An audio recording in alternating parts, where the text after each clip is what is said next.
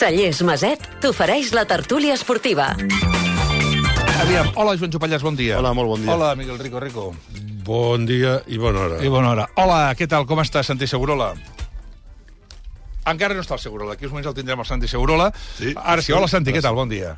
Bon dia. Bon dia. Bueno, s'acaba una jornada avui amb el partit del Girona amb el Rayo Vallecano, que té molt a veure amb, el, amb la jornada, perquè depèn del que passi, el Girona tornarà al seu lloc on ha estat molts, molt temps aquesta, aquesta temporada. bueno, molt temps no, ha estat més líder que no de segon, però pot tornar al, al segon lloc després d'un partit del Madrid ahir que va solventar l'últim quart d'hora. Tinc la sensació que el dissabte vam veure el millor partit del Barça, millor partit del Barça en temps, sí o no, Joan Ju? Aviam, jo, jo no és que el vulgui relativitzar, però crec que eh, el, el plantejament del Getafe va ser una mica... Suïcida. Sí, va ser... A més, venint de l'entrenador, que és Bordalàs, que és un entrenador que... Marrategui. Bueno, que, sí, exacte. Va fer, igual va tenir un atac d'entrenador i no el va corregir, no sé si per orgull o per què, però bueno, no, no és que vulgui treure mèrits al Barça ni molt menys, em sembla que, va... el que el que vull dir és que no sé si és el millor partit d'aquesta temporada. El que sí sé és que s'han encadenat dos partits, el de Nàpols i el del Barça a casa l'altre dia contra el Getafe, que, que són dos partits normals, coherents, és a dir, que hi ha una relació entre el potencial del Barça, que no és el, el Barça del 2010, però tampoc és el Barça d'empatar a casa amb la Granada o perdre contra el Villarreal. Mm.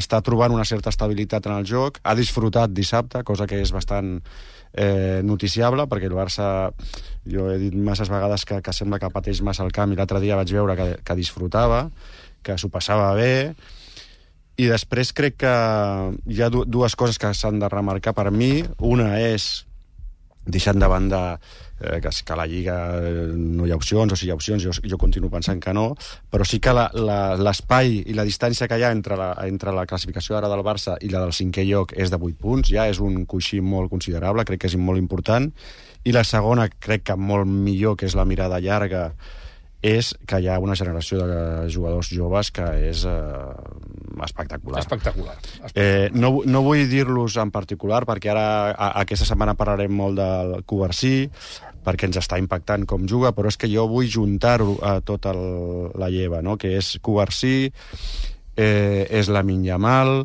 és Marguiu, que encara que no el facin jugar al primer equip, continua marcant gols amb una facilitat bestial al, al Barça Atlètic, eh, és Fermín, que, que té una passió a l'hora de jugar i aquests, aquestes segones parts les aprofita i, i reconnecta l'equip al, al, al partit. Eh, és eh, Pedri que encara que no ho sembli és molt jove, és Gavi que està lesionat i que em sembla que estem davant d'una un, generació potentíssima. I crec que això sí que eh, més enllà de l'anàlisi d'un partit em sembla que és una cosa a celebrar i molt, i, i, el, i el dubte raonable és, eh, ho dic per tirar floretes al Xavi, que no, no en tirem gaires, si amb un altre entrenador aquesta aposta tan decidida per jugadors tan joves s'hagués produït. I jo mm -hmm. crec que, que no. No amb, aquesta, amb aquest volum, crec que no. Segurola. Sí, creo que fue muy buen partido del Barça. No sé si el mejor, pero sí que me pareció el partido donde aplicó mejor las medidas necesarias para reducir a un rival. Creo que mm, precisamente un equipo, el Getafe, que mm, tiene una propiedad, que es sacar de, de quicio a los rivales, y especialmente al Barça. Todavía cualquiera puede recordar el primer partido del campeonato, aquel famoso de los 105 minutos y el gol anulado por aquella mano que para mí se, se inventó el, el, el, VAR y el árbitro para, para, no, para no retractarse de lo que era evidente que se había cometido un penalti sobre, sobre Araujo. Bueno, dicho esto, no creo que, que le diera un ataque de entrenador a Bordalás. El Getafe, históricamente, en los últimos años, ha sido el equipo que más tiempo ha ocupado el campo, en, el, en más tiempo en campo rival, un equipo que siempre adelanta mucho la defensa lo que pasa es que no es tan disciplinado como antes. El, antes el, Getafe era un equipo, además de áspero, que te torcía los partidos y te los convertía, te, te llevaba a la silla del dentista. Era un equipo muy disciplinado, ahora no lo es. Y yo creo que hasta por eso hace menos, hace menos faltas, es decir, que en ese aspecto hasta se les ha olvidado los malos hábitos. Creo que el Barça aplicó muy correctamente eh, las medidas necesarias para eh, buscar la espalda de la defensa, colaboró evidentemente la defensa del Getafe, que habilitaba siempre, porque siempre se quedaba algún central por ahí, algún lateral descolgado, pero eh, creo que eh, el Barça se liberó. A medida que iba jugando el partido, se liberó. Casi todos los jugadores, yo diría que todos, empezaron a ofrecer el nivel que se espera de ellos. Creo que en ese aspecto es una muy buena noticia. A veces el fútbol eh, cambia de humor, eh, simplemente porque un equipo empieza, comienza a sentirse bien, comienza a, sentir confianza. Y algo de eso me, me pareció ver en el partido eh, evidentemente es un partido, no es eh, son 10 partidos seguidos en el que el Barça eh, da la sensación de, de, ascender. No hace dos semanas hablábamos del empate a tres con el Granada. Sí creo que es una frente a un rival que a mí siempre me parece que complica mucho la vida a los demás. El Barça lo manejó con mucha mucha calidad y además con una con un factor eh, importante. No se enredó, no no entró en esas fases donde eh, queda expuesto porque comete errores, porque eh, se, enreda en lo que el rival pretende. Me pareció una muy buena actuación. Miguel Rico. Jo faria un resum, diguéssim, quasi infantil, dient que és el primer partit que recordo molt temps que el Barça no va patir, no va patir gens pel resultat, eh, hem vist molts partits que han vist perillar l'empat, inclús la victòria del Barça, també a casa. Eh, eh, va ser un partit en, des del meu punt de vista que eh, el que primer va identificar com s'havia d'atacar eh, efectivament el plantejament del Getafe va ser Ter Stegen en passades sobre eh, les dues línies de, del darrere del Getafe que van deixar en posició d'avantatge als davanters del Barça. I eh, que tot i que el marcador és com la sang, que és molt escandalós i es pot semblar que en 4-0 has fet un partidàs, bueno, en 4-0 has fet 4 gols, que és fantàstic, sobretot no tenen fet cap, que per al Barça encara és més important, però tampoc diríem eh, que va ser un, un espectacle. Va ser un partit de moments, ben jugat pel Barça, sense patir, i tampoc crec que estiguem en condicions de demanar-li eh, molta més cosa. I respecte al que comentava el Joanjo de, de Xavi i de la seva petjada, jo fa mesos que dic eh, que potser el Xavi eh, serà més un entrenador de club que no pas un d'equip i que la seva herència, gran herència, no, potser no serà tant els títols com els jugadors uh -huh. que deixa a disposició del club per bé utilitzar-los, bé vendre'ls, que també és una manera de salvar-li l'existència al club i en aquest sentit és impecable la seva actuació amb tots els futbolistes que ha citat eh, el, el Joanjo i que l'atenció, per exemple, un cas diferent, que no és un noi de la Pedrera, que és el cas de Víctor Roque, eh, que està a la plantilla eh, com podia estar Marc Guiu i que dona la sensació que no era el futbolista que eh, les circumstàncies exigien.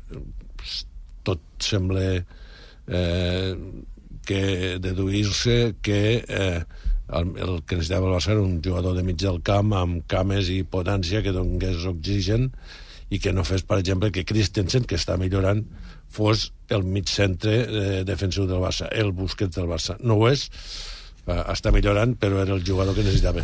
És un quart de dotze. Recordo que eh, la primera persona, ho repeteixo molt sovint, que em va alertar sobre el tema de Real Madrid Televisió va ser el Santi Segurola fa mm. algun temps ja, al novembre, dient-me que en un partit, va ser un dia al migdia, veient un partit d'infantils o de juvenils no, del Madrid. el Castilla no? Pontevedra. El Castilla, un període del filial, efectivament. I recordo que aquell dia es va començar, va començar a veure la glopada aquesta, per culpa del Segurola, mm-hmm.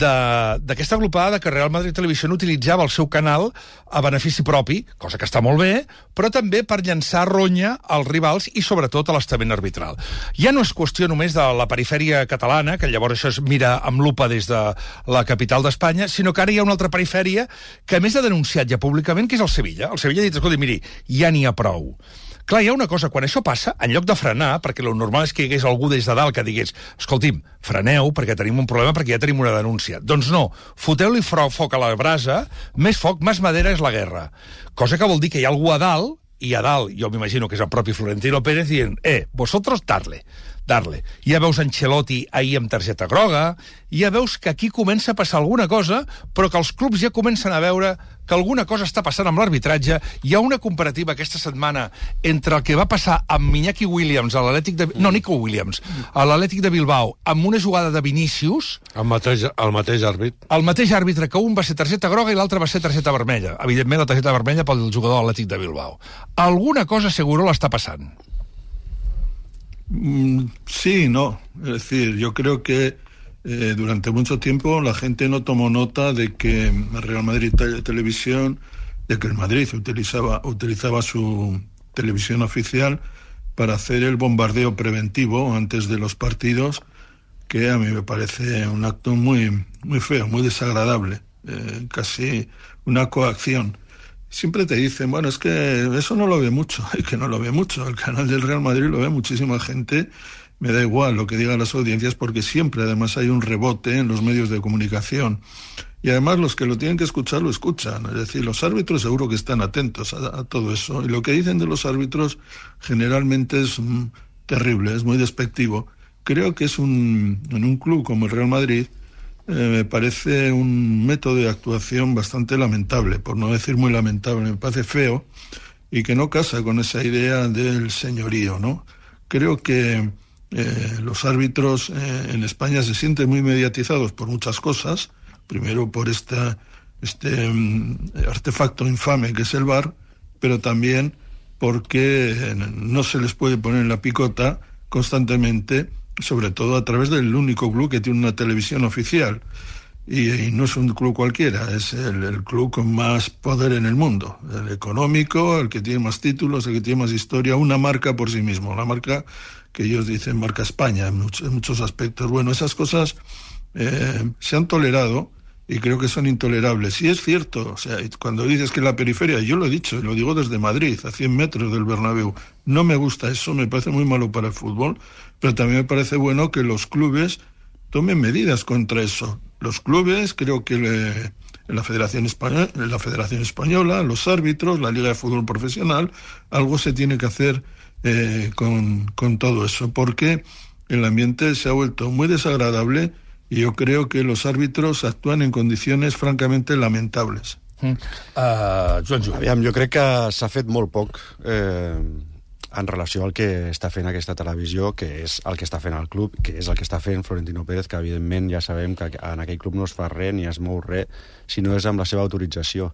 El Sevilla va actuar l'altre dia denunciant-ho, la Lliga, a través de Javier Tebas, ja ha deixat eh, caure o ha insinuat que també estan estudiant eh, fer una denúncia, però aquí els grans damnificats i els grans acusats són els àrbitres directament. I els àrbitres no han mogut un dit i els àrbitres depenen de la Federació Espanyola i la Federació Espanyola no ha mogut un dit. Jo estic convençut que si fos, es tractés de qualsevol altre club haguessin actuat, perquè això és molt fort. O sigui, no estem parlant d'una tonteria, Total. estem parlant d'un canal, és a dir, que porta, que porta l'escut del Real Madrid, que és un club de la Lliga que està eh, matxacant els àrbitres abans dels partits i després dels partits, sistemàticament, facin el que facin, destacant només els que... I no solament del primer equip, eh? Sí, També sí, de, de, de tot arreu. Llavors, bueno, a més està creant una, una, una corrent d'opinió que tu ahir, per exemple, al Bernabéu ho protestava absolutament tot. Tot, tot, tot. O sigui, era una, tot, tot. era una paranoia eh, que a més que sigui aquest club que eh, no descobreixo res i dic que ha sigut pel seu poder el més beneficiat a la història del futbol d'aquest país, que ara sigui la víctima d'una conxorxa setmanal eh, en contra dels seus interessos. Em sembla una, no sé, un, un, un acudit dolent i, i jo no veig eh, jo veig que són els àrbitres els que s'haurien de mobilitzar i, i anar en contra d'aquesta bestiesa. Mentre no es moguin ells, és que no te'ls podràs, eh, no te podràs prendre seriosament. I després una cosa sobre que, això que dèieu de la perifèria i tal, està el Sevilla, però està el València també, que també està agafant una, una, eh, posició d'antimadridisme que sempre ha tingut, però que ha tornat a revifar arrel del, dels episodis amb Vinícius. Ho dic perquè dissabte hi ha un València-Real Madrid. Hòstia, és veritat, tu, és a les 9 de la nit, no?, València-Madrid, a les 9. I, I, aviam, allà la gent està... Eh... Sí, sí, esperant. Sí, pero yo, yo creo que son cuestiones diferentes. Yo Bueno, creo no, que- però em refereixo a la utilització que té mediàticament, que, que sí que té a veure, eh? mediàticament, com, in, com aquell episodi es va utilitzar a Madrid, eh, que tots vam, eh, ens van posicionar evidentment, com no pot ser d'una altra manera, en contra del racisme, etc etc. però com allò es va vehicular en favor de Vinícius, convertir-lo en una amb una per, amb, amb un esportista pràcticament eh, que semblava Gandhi i el seu comportament en el camp no era precisament exemplar. I aquesta manera de modificar l'opinió de la gent sí que es pot crear, eh, fi- fixar com una mena d'annex entre les dues coses. Sí, pero por eso mismo digo que lo que parte de la afición del Valencia o aquel grupo o aquella gente que eh, incendió el partido con aquellos insultos racistas eh, modificó el, el partido e incluso tuvo un efecto contaminante, eh, contagioso sobre el resto del estadio. De la misma manera, es, es decir, pero eso es intolerable, o sea, no, no puedes Sí, no, hacer no, lo que... Ahora bien, el efecto fue el que fue y, y si es comparable con lo que hace Real Madrid Televisión en un aspecto, es decir, cuando tú inflamas, y en aquel caso fueron los, los hinchas radicales de- del Valencia, cuando inflamas a un estadio puedes encontrarte con situaciones tan perniciosas, tan desagradables como aquella. Pues de la misma manera, cuando inflamas la situación, el- el arbitraje, la imposibilidad casi de, de, que los árbitros eh, se enfrenten a la dirección de un partido en condiciones normales, pues también tiene, tiene ese problema. Pero son, creo, problemas por, por, por mala utilización, por pésima utilización, de, en el caso del Real Madrid, de, un canal oficial de televisión, de los hinchas eh, más ultras por, por lo burros que son y lo- lo- lo racistas que son, pero eh, sí que tiene en común que se propaga, tiene un efecto contagioso y esto que se ve en las reacciones de- del público y hasta en cierto sector de la prensa, como que el Madrid eh, es víctima de algún tipo de conspiración, pues sinceramente produce risa. El Madrid es primero porque juega mejor que los demás y gana más puntos, ya gana más partidos. Y esta temporada es irreprochable en ese aspecto. Que el propio club se engañe con eso y no le dé la, verdadera importancia que tiene a lo que está haciendo un equipo con tantas bajas y con tantas dificultades es lo que me parece más problemático. Y que eso además lo lleve no solo en el primer equipo. Uno escucha Real Madrid Televisión, un partido de cadetes o infantiles, y lo normal es escuchar alguna afrenta o recordar algún episodio de algún partido que los comentaristas consideran que en el partido contra el Moratalaz C eh, el árbitro ya estuvo en contra de- del Real Madrid. Eso me parece que es eh, llevar a, digamos, a- al universo madridista unas prácticas muy, muy, muy lamentables. Deixa'm dir una cosa abans d'anar... Que aquí la el que, que digui el Miguel Rico, que no he escoltat encara amb aquest tema, deixa'm dir que s'està fent a l'executiva del PSOE la portaveu del partit i diputada per Burgos, Esther Penyes, la portaveu del PSOE, acaba de dir que eh, eh, demana que entregui José Luis Ábalos l'acte de diputat i eh, també està dient que aquí no caben els corruptes, amb la qual cosa, no sé si una cosa porta a l'altra, però el que sí que passa és que hi haurà una presumpció de culpabilitat per José Luis Ábalos, que no està investigat en aquesta trama, però que per Tallafocs amb, eh, i no passi el que va passar amb el PP, amb el, tots els casos de corrupció, prefereix el PSOE avançar-se als esdeveniments i, per tant, si és que aquests esdeveniments es, es confirmen, i, per tant, ja des de la pròpia executiva del Partit Socialista Obrer Espanyol s'està demanant a Ábalos que entregui l'acte de diputat, que deixi de ser diputat eh, per València al Congrés i que, per tant, eh, abandoni Eh, recordeu que és el que no ha fet Avalos aquests dies. Però repetim que ara ja directament el propi Partit Socialista qui li demana, a través de la veu de la portaveu del partit, que entregui l'acte de diputat. Bé, dit això, 11 i 26 minuts. Què diràs del Miguel Rico? Diré respecte a l'efecte contagi, una experiència personal viscuda ahir, jo no acostumo a, a veure els partits de futbol locutats pels eh, companys de televisió. Sempre eh, miro d'escoltar la ràdio. Ahir, eh, no sé per quina estranya circumstància, vaig decidir eh, seguir el Madrid-Sevilla per Dazón Ah. i és una experiència que podríeu, que podríeu eh, repetir amb aquestes com a comentarista smarts posar Guti és televis... un exercici no, no, no, d'imparcialitat però no, no, però no solament per. Guti. Eh, el company narrador, ell ja, estava assessorat per Nico Pareja, crec, i el Guti, el partit no s'analitzava com a partit. S'analitzava cada vegada que xulava l'àrbit. Esto falta. Esto no falta. ¿Tú enseñarías tarjeta? Jo veient el partit a esto, casa- Esto es para penalti. I- Es, hay, hay fuera de juego de verdad. És, és posicional. Vull dir, o sigui, els àrbits s'han convertit sí. en l'objectiu dels partits.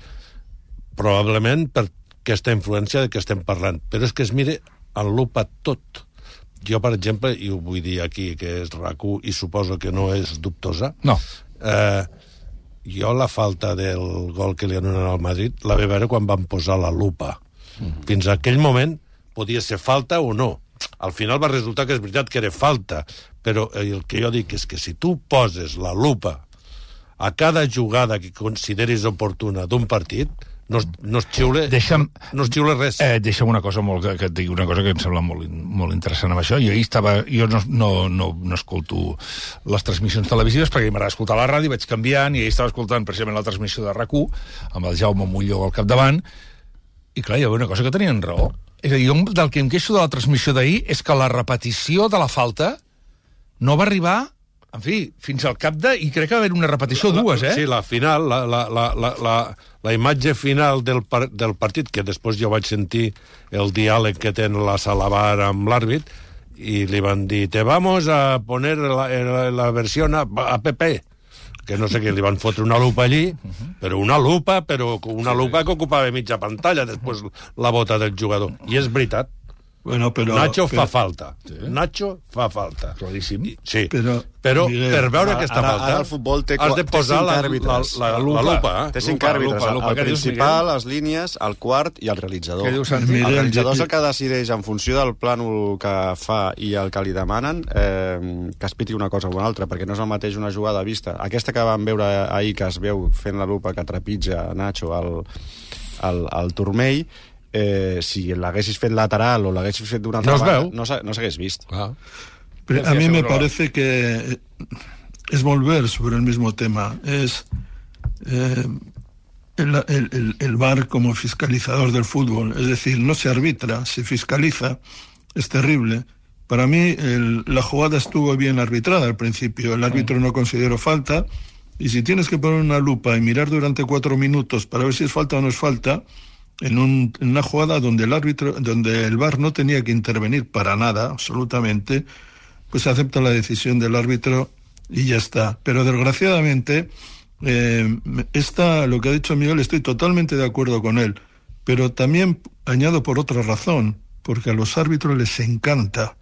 Les encanta que se hable de ellos, les encanta parar el juego, les encanta que, que sean los artistas de este juego, gente que solo estaba ahí para que eh, se siguieran las 14, 15 reglas básicas del fútbol, ahora son las estrellas de este asunto, son las estrellas del circo.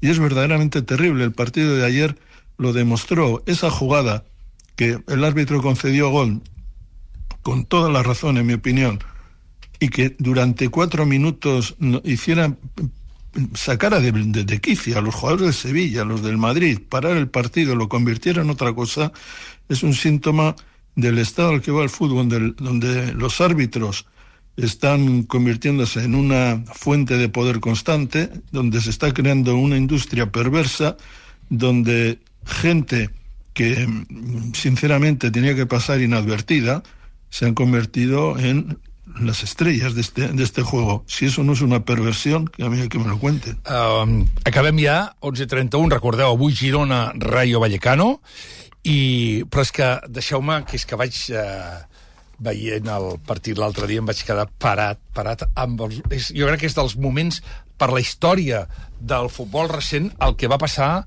o el que va fer l'Espanyol a Ipurua. A Ipurua, on perdia eh, l'Espanyol a pocs instants d'acabar el partit i als minuts 93 i 99 van aconseguir capgirar el marcador. Així perquè forma part, és a dir, de la mateixa manera del eh, eh, Urrutit Estimo, Leto Eto, com Antitapel i companyia, forma part de la història de la ràdio el gol cantat i narrat per Edu de Valle del 2 a 3 de l'Espanyol a Ipurua. Vallès per l'esquerra, continua Vallès, posa la bé, nano, la centrada de Vallès, controla la bola, xut, gol! Gol! Gol!